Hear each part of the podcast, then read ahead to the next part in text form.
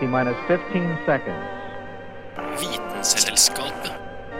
T minus 10, 9, 8, 7, 6. We have main engine start. 4, 3, 2, 1, and liftoff. Vitenselskapet. Vitenselskapet på Radio Nova. På vegne av Vitenselskapet ønsker jeg velkommen tilbake til Island. Det nydelige, barske landet vi var så heldige å få støtte av Medietilsynet for å besøke. I denne andre av våre sendinger skal vi lære litt mer om Islands vekster, av både det ene og det andre slaget, i tillegg til at vi skal hilse på de vakre og robuste islandshestene, og ikke minst landets yrende hvalliv, få et gjenbesøk i Fridheim Tomater i hus, og generelt sett lære litt mer om Islands natur. Stay tuned! Vitenselskapet. Vitenselskap. Vitenselskapet. Vitenselskapet. Vitenselskapet. Island er kjent for sitt øde, månelignende landskap. De færreste tar turen til Island for å gå tur i skogen, men det er skog å finne. Carl, Dag og Aurora tok turen for å prate med en av dem som sørger for at det blir enda mer skog på øya. Jeg heter Adalstein Sigurd Geirsson og jeg er visedirektør for uh, Statens skoger, skogrektin, som det heter på Island. Denne sjølerklærte skogsnerden har litt av hvert å fortelle om trærne på Island.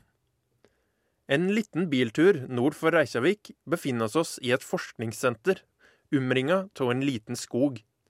Denne skogen er et produkt av skogplantingsinnsatsen som har blitt gjort på Island. En skulle kanskje tro at Island aldri har hatt noe skog, men sånn er det faktisk ikke.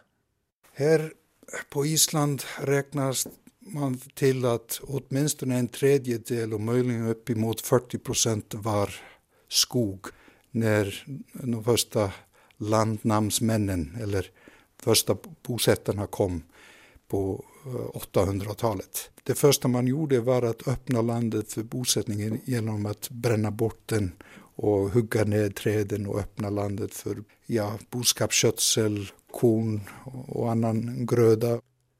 Etter at vikingene tok seg til rette, sto øya veldig bar, ikke så langt fra 1000 år. I moderne tid var det derimot Nunn som hadde ønske om å gjeninnføre skogen. Det begynte rundt sekelskiftet 1900, men på ganske små skala. Og mest gjennom kanskje hjelp og stød fra danskene. Man samlet til og med penger på Københavns gater for å finansiere beskogning på Island på den tid, og det var starten på det, på det hele. Eh, 1907 fikk vi vår første skogslag, og sen var det ja, en 30-40 års periode der man forsøkte innhegna skogsrestene, få i gang träd att, att överleva och sen efter andra världskriget började man importera nya träslag från uh, Alaska och andra ställen där träden kunde växa under Islands, isländska klimatförhåll och det har gett goda resultat idag. Nu, nu är vi framme vid att plantera kanske 1000 hektar ny, ny skog per år som kanske inte särskilt mycket, det är bara hälften av vad vi gjorde för tio år sedan. Men fin finanskrisen drabbade beskogningen också. Men nu står vi framme for en stor uppgift att Island ska bli klimatneutralt året 2040 och det ska ske bland annat genom mycket mera beskogning på ön. Man har liksom nu planer på att fyrdubbla den årlige planteringen. At den går fra 1000 hektar til 4000 hektar per år. Planterer i stedet for 3 miljoner plantor 12 miljoner.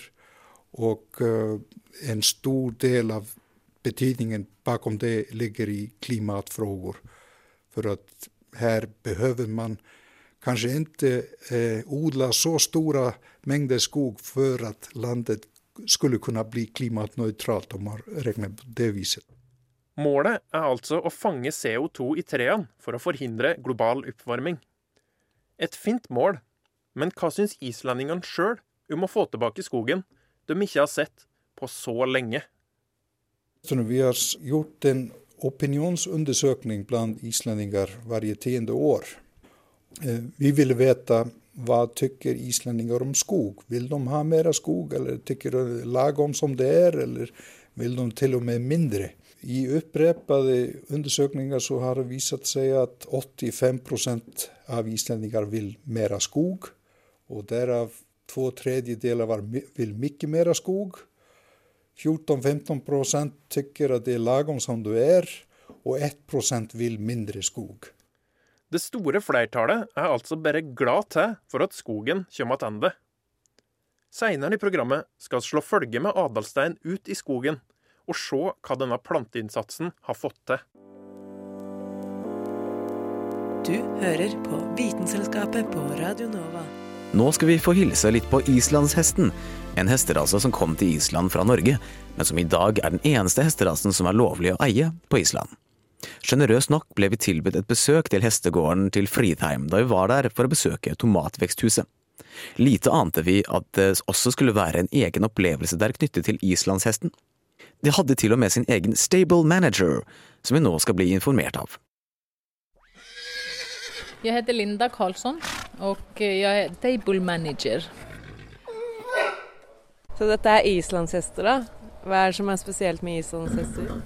Det enda rasen som finnes her, og har funnet siden eh, omkring 900. Eh, da kom vikingene og tok med seg noen hestraser. og Det har blitt den enda hestras vi har i dag. Og vi har jättemånga hester. Vi har nesten 100 000 hester på Island i dag. Og 350 000 mennesker.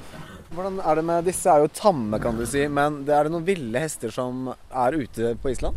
Ja, de unge hester bor og lever som ville hester. Men det er staket, men de har veldig store felt å røre seg på. Og de er der, og sen begynner man trene dem når de er ca. fire år.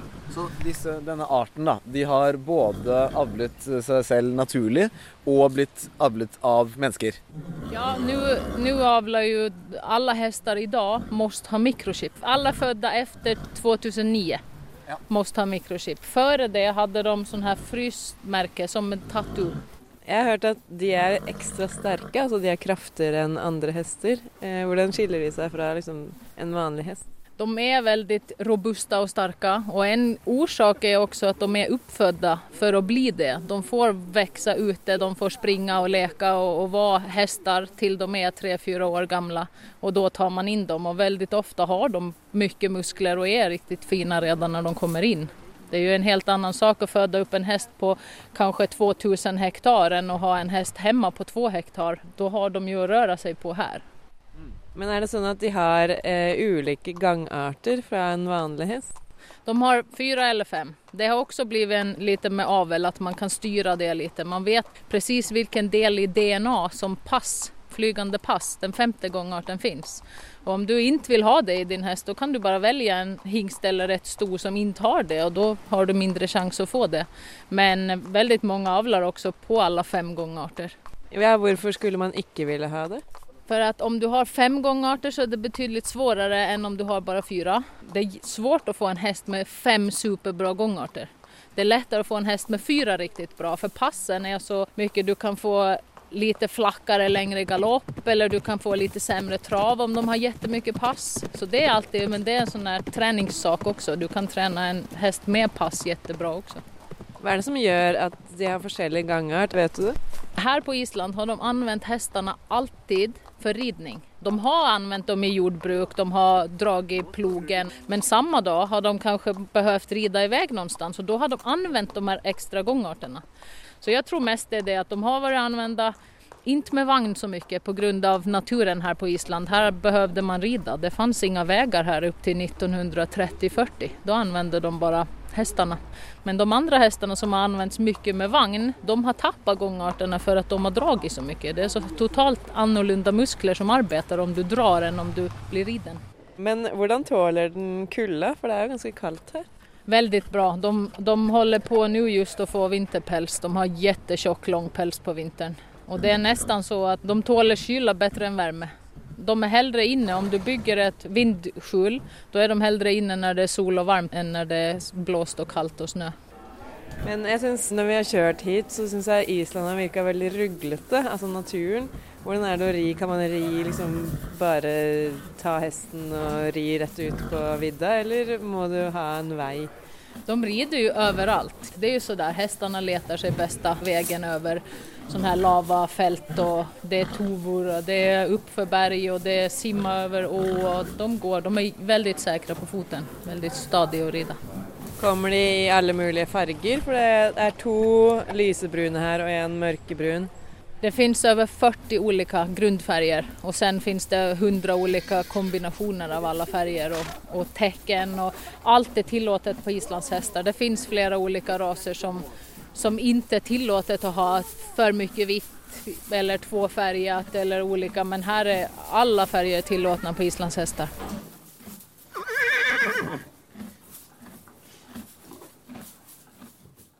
I dag er det ca 80 000 islandshester på Island, men det er registrert 300 000 totalt i verden, altså nesten like mange islandshester som det finnes innbyggere på Island.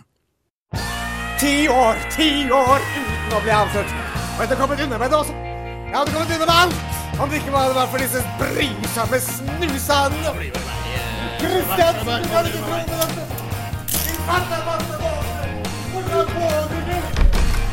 Vitenselskapet hever forskningen, senker svindlerne.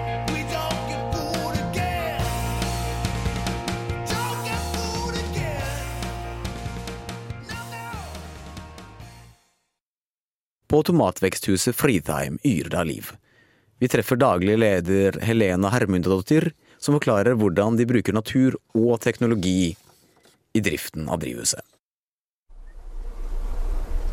Även om vi liksom är tekniska så vill vi ju vara naturvänliga, miljövänliga, odla goda och smakrika tomater. Och därför så använder vi inga besprutningsmedel. Det finns alltid någon insekter som vill äta på plantan eller suga näring ur bladen eller vad. Och då använder vi helt enkelt biologisk bekämpning och det betyder egentligen att vi har en naturlig ovän till de här insekterna som ser efter dem. Så att vi får hem hit från eh, Holland en eh, pytteliten grön rackare som heter Macrolophus. Och de flyger runt här och letar efter skadeinsekter som vita flygare till exempel och helt enkelt äter upp dem. Mm. Så när det är balans mellan nyttoinsekter och skadeinsekter, då trivs plantorna bra och vi har då nyttiga tomater. Det er et lite økosystem rett og slett Ja. her inne. Och det är perfekt med Island för att här är vi ganska isolerade från omvärlden. Mm. Så vi har inte riktigt så många insekter som i Europa f.eks. exempel. Mm. Så det er relativt enkelt å anvende biologisk bekjempning i et växthus Ja. just her. Så Island er et perfekt land å odle i växthus.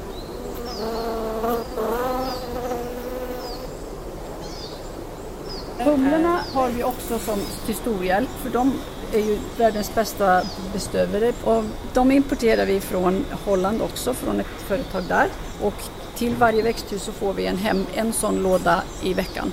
Ah. Och i en sån här finns det en drottning. Ni ser drottningen där nere, hon är störst. Och så är det 50 arbetarhumlor och en humla kan besöka upp till 2000 blommor per dag. Oi! Så Ja, de det er- må jeg si. Busy as a bee. Busy as a bee. Men er noen av disse humlene fra dette bolet sluppet ut? Der oppe f.eks. exempel står det et bo och där är alltid öppet. Ja. Så att de kan komma in och ut precis som de vill. Och de börjar ju när det är dagsljus då, då flyger de ut och börjar. Och sen när det blir mörkt då eh, flyger de hem og Ja. sover. Det er vel precis som vi gjør. Ja. Så, De har sin dagssyklus, da, som Ja, regulerer seg selv. Har, ja, precis. Og det bestemmes av dagsljuset Og på vinteren så har vi jo ikke så mye dagsljus. Og då eh, om de flyger ut når det ikke er dagsljus, de använder alltså UV-strålarna Ja. i dagsljuset för att lokalisera sig. Säg att de är ute när det blir mörkt, då hittar de inte hem. Så på vintern så har vi en timer på boet så att de inte får gå ut mer än ja, kanske två timmar i mörkaste perioden på vintern. Men då hinner de ju inte besöka alla blommor som står öppna i växthuset. Så då måste vi faktiskt hjälpa till med pollineringen manuellt. For å varme opp drivhuset bruker Fridheim geotermisk energi, jordvarme. Til tross for det kalde klimaet gjør altså egne drivhus og importerte insekter det mulig å dyrke grønnsaker på Island. Nå skal vi tilbake til skogsenteret og bevege oss ut i skogen. Hva slags trær kan man finne her, mon tro?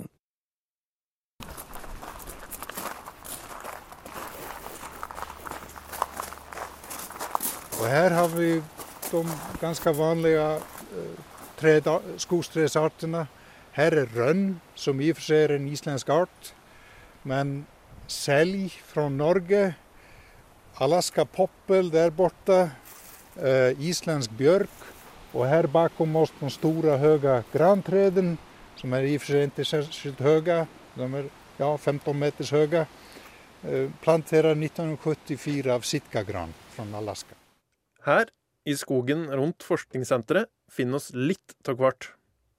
All veksten som står her, har blitt planta etter 1967. Tre har blitt henta fra rundt omkring i verden for å få et nytt liv på Island. Ikke alle er like nøye planlagt. Her er den Hva heter det? Den norske lønnen. Den kommer faktisk tror jeg fra den gamle flyplassen i Fornebu. Det var en medarbeider som bare tok lite frø på veien til Island og odla det opp. Atalstein forteller med kjærlighet om alle trærne som står rundt omkring. Eh, bakom eh, lilla saunaen som bygdes her, for å bjuda inn finske venner når kommer, eh, saunadiplomasi, står det en fin ask som ble pla faktisk plantert til 1967. Den kommer fra det nordligste del av dets utbredningsområde i Leksvik i Nord-Trøndelag. Og den så litt dårlig ut da den ble plantert noen år etter. Det var på 60-tallet, det var en kald periode. Så den ble flytta dit. Og sen for 20 år siden begynte asken vokse, og den vokser ganske normalt nå. Trolig en følge av oppvarmingen, at vi kan plantere mer ek, ask og alt mulig.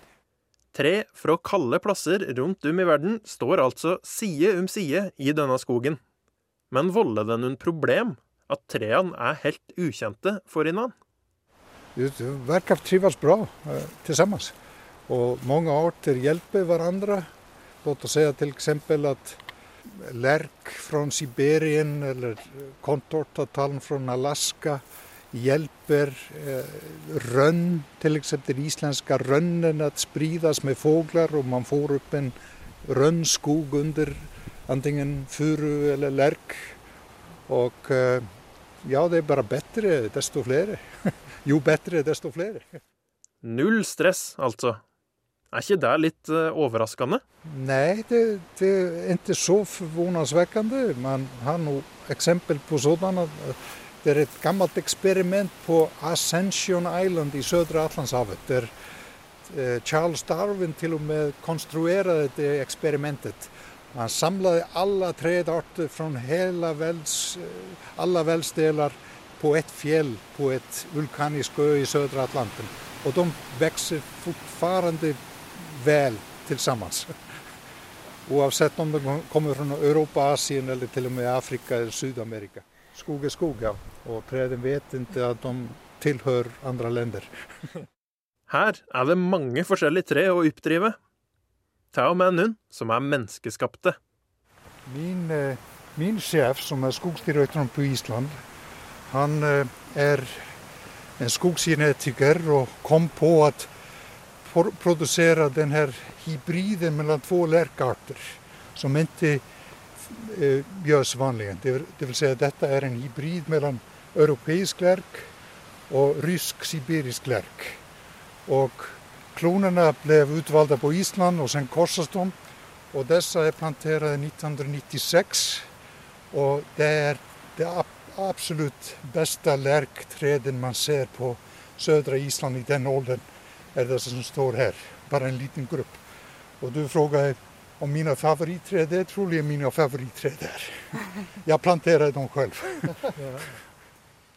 Tusen takk til Adalstein og Skogrektin for masse kul lærdom om trær. Saken ble laget av Carl Adams Kvam.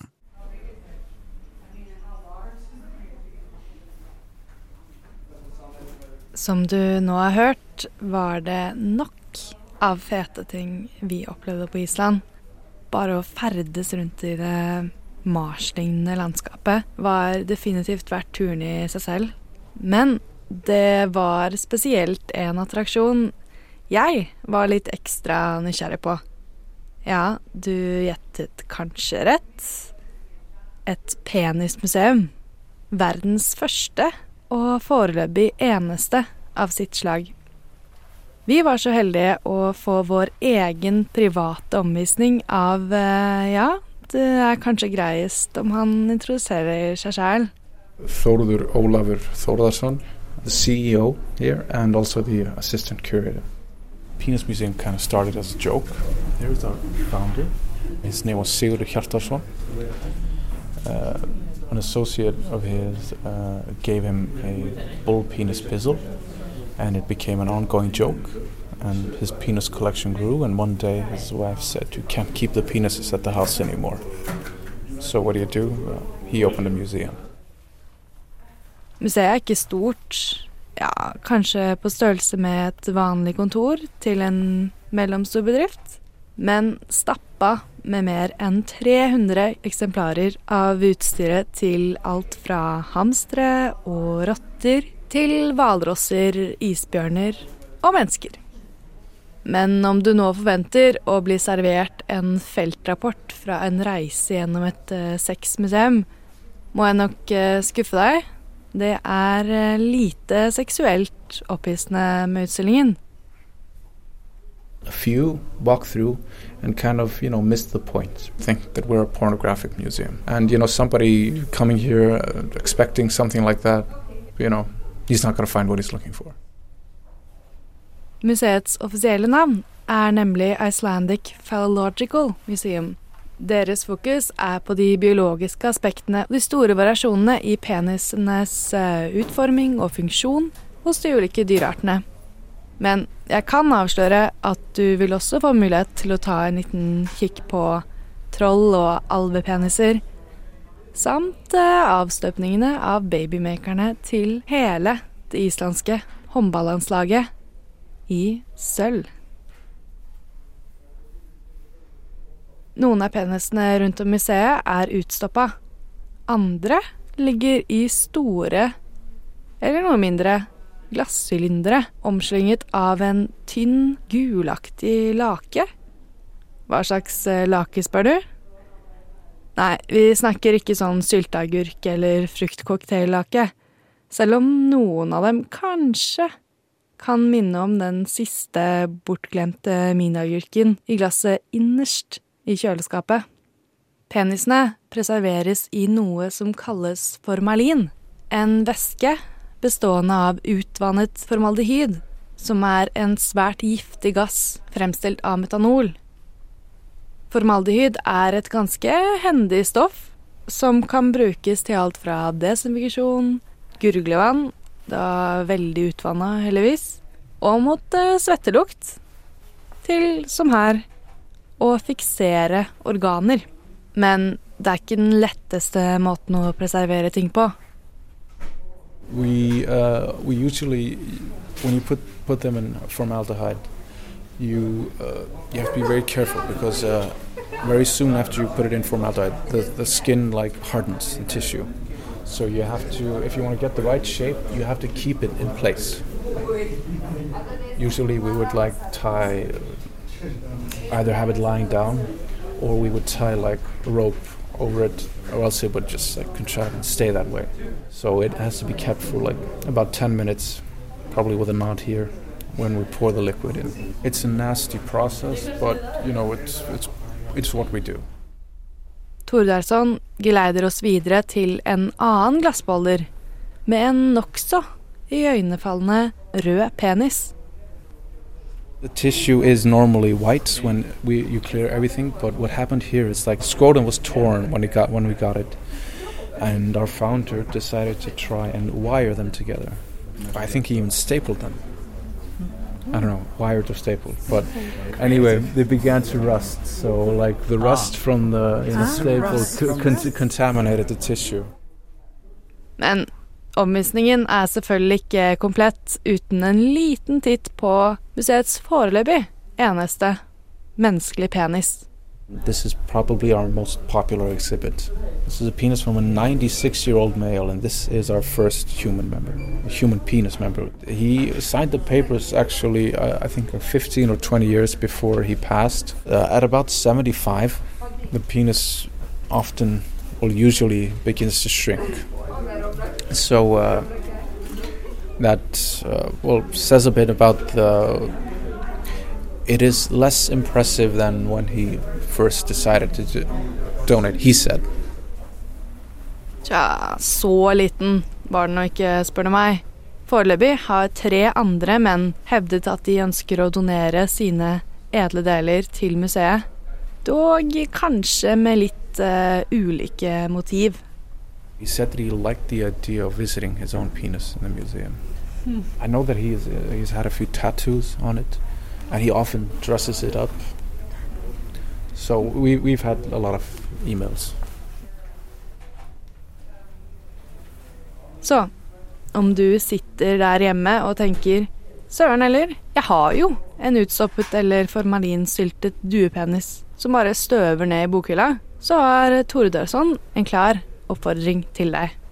we encourage everybody who sees it or listens in this case to if they want to donate please because we are always looking for new exhibits any any donators will get like a lifelong membership as an honorary member of the museum which means a lifetime free entry and they will get an honorary plaque and also a small medal which they can wear on like during celebrations and stuff Oslo 2 igjen, Oslo 2. Dette er Vitenselskapet. Radio November, Oskar, Viktor, Alfa. There's a lot of whales here because of it's a very healthy place, and also we are in between two uh, wind streams and ocean streams. So it's a very good place for whales. Also, it's very clean in comparison with all the pollution that there's nowadays in the oceans. Iceland is a very uh, clean space. Ja, lyden i bakgrunnen er lyd fra hval. Til tross for at hval liker seg godt på Island, så er det mye som har endra seg de siste tiårene. De lever kortere og det blir færre, og noen blir til og med helt utrydda. Det har mange forskjellige faktorer, og hvalsafari og sonar er en av dem. Some whale watching companies, some of them use uh, sonars that are not good for them because the whales communicate with another kind of sonar, the echolocation. So if the boat is sending this kind of signal that is not audible for humans, they detect it like something harmful. Like the military submarines, they hurt a lot that animals. Island ligger langt vekk fra andre land, og derav har de mye mindre forurensning langs kysten. Men de er ikke helt immune, og hvalene blir påvirka, til og med her. There was a baby. It was inside the fjord in the north. He was recording just the fjord and suddenly humpback threw something from the mouth. It was a huge pla- plastic bag. Even in here, it's supposed that this place is really healthy, clean. Plastic is everywhere. We are in between two wind streams and ocean streams, so if United States throws shit, that is gonna arrive to Iceland. Men noe av det største problemet er utrydding via jakt. Det er ingen streng regulering av hvalfangst på Island, og man kan se at bestanden på alle arter går kraftig ned. De lever i tillegg mye kortere og produserer mye mindre barn. When the whales live more, they have the biggest sexuality years to have babies. So if you live more years, you have more babies. In the 18th century, there was uh, 300,000 blue whales in the world. Nowadays, there's not even 2,000. They used to live hundreds of years. Nowadays, they don't even reach 70 years.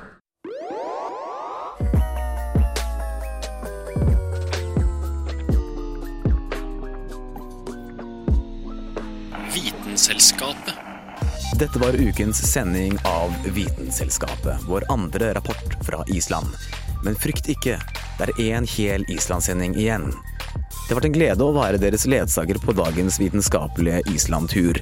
Mitt navn er Dag August Schmeling Dramer, og medvirkende i denne sendingen, enten lyd- eller redigeringsmessig, har vært Julianne Fjell, Birgit Ski, Ida Vassbotn, Kristin Gryddeland, Carl Adams Kvam og Sunniva Blix. Hør våre sendinger igjen i podkastformat på Soundcloud, og lik vår side på Facebook. Vitenselskapet. Radionova er best. Alle, alle, alle andre er tapere. Radionova er best. Radio Nova. Mm. Radio Nova. Siden 1982 har Radio Nova gitt deg favorittmusikken din før du visste at du likte den.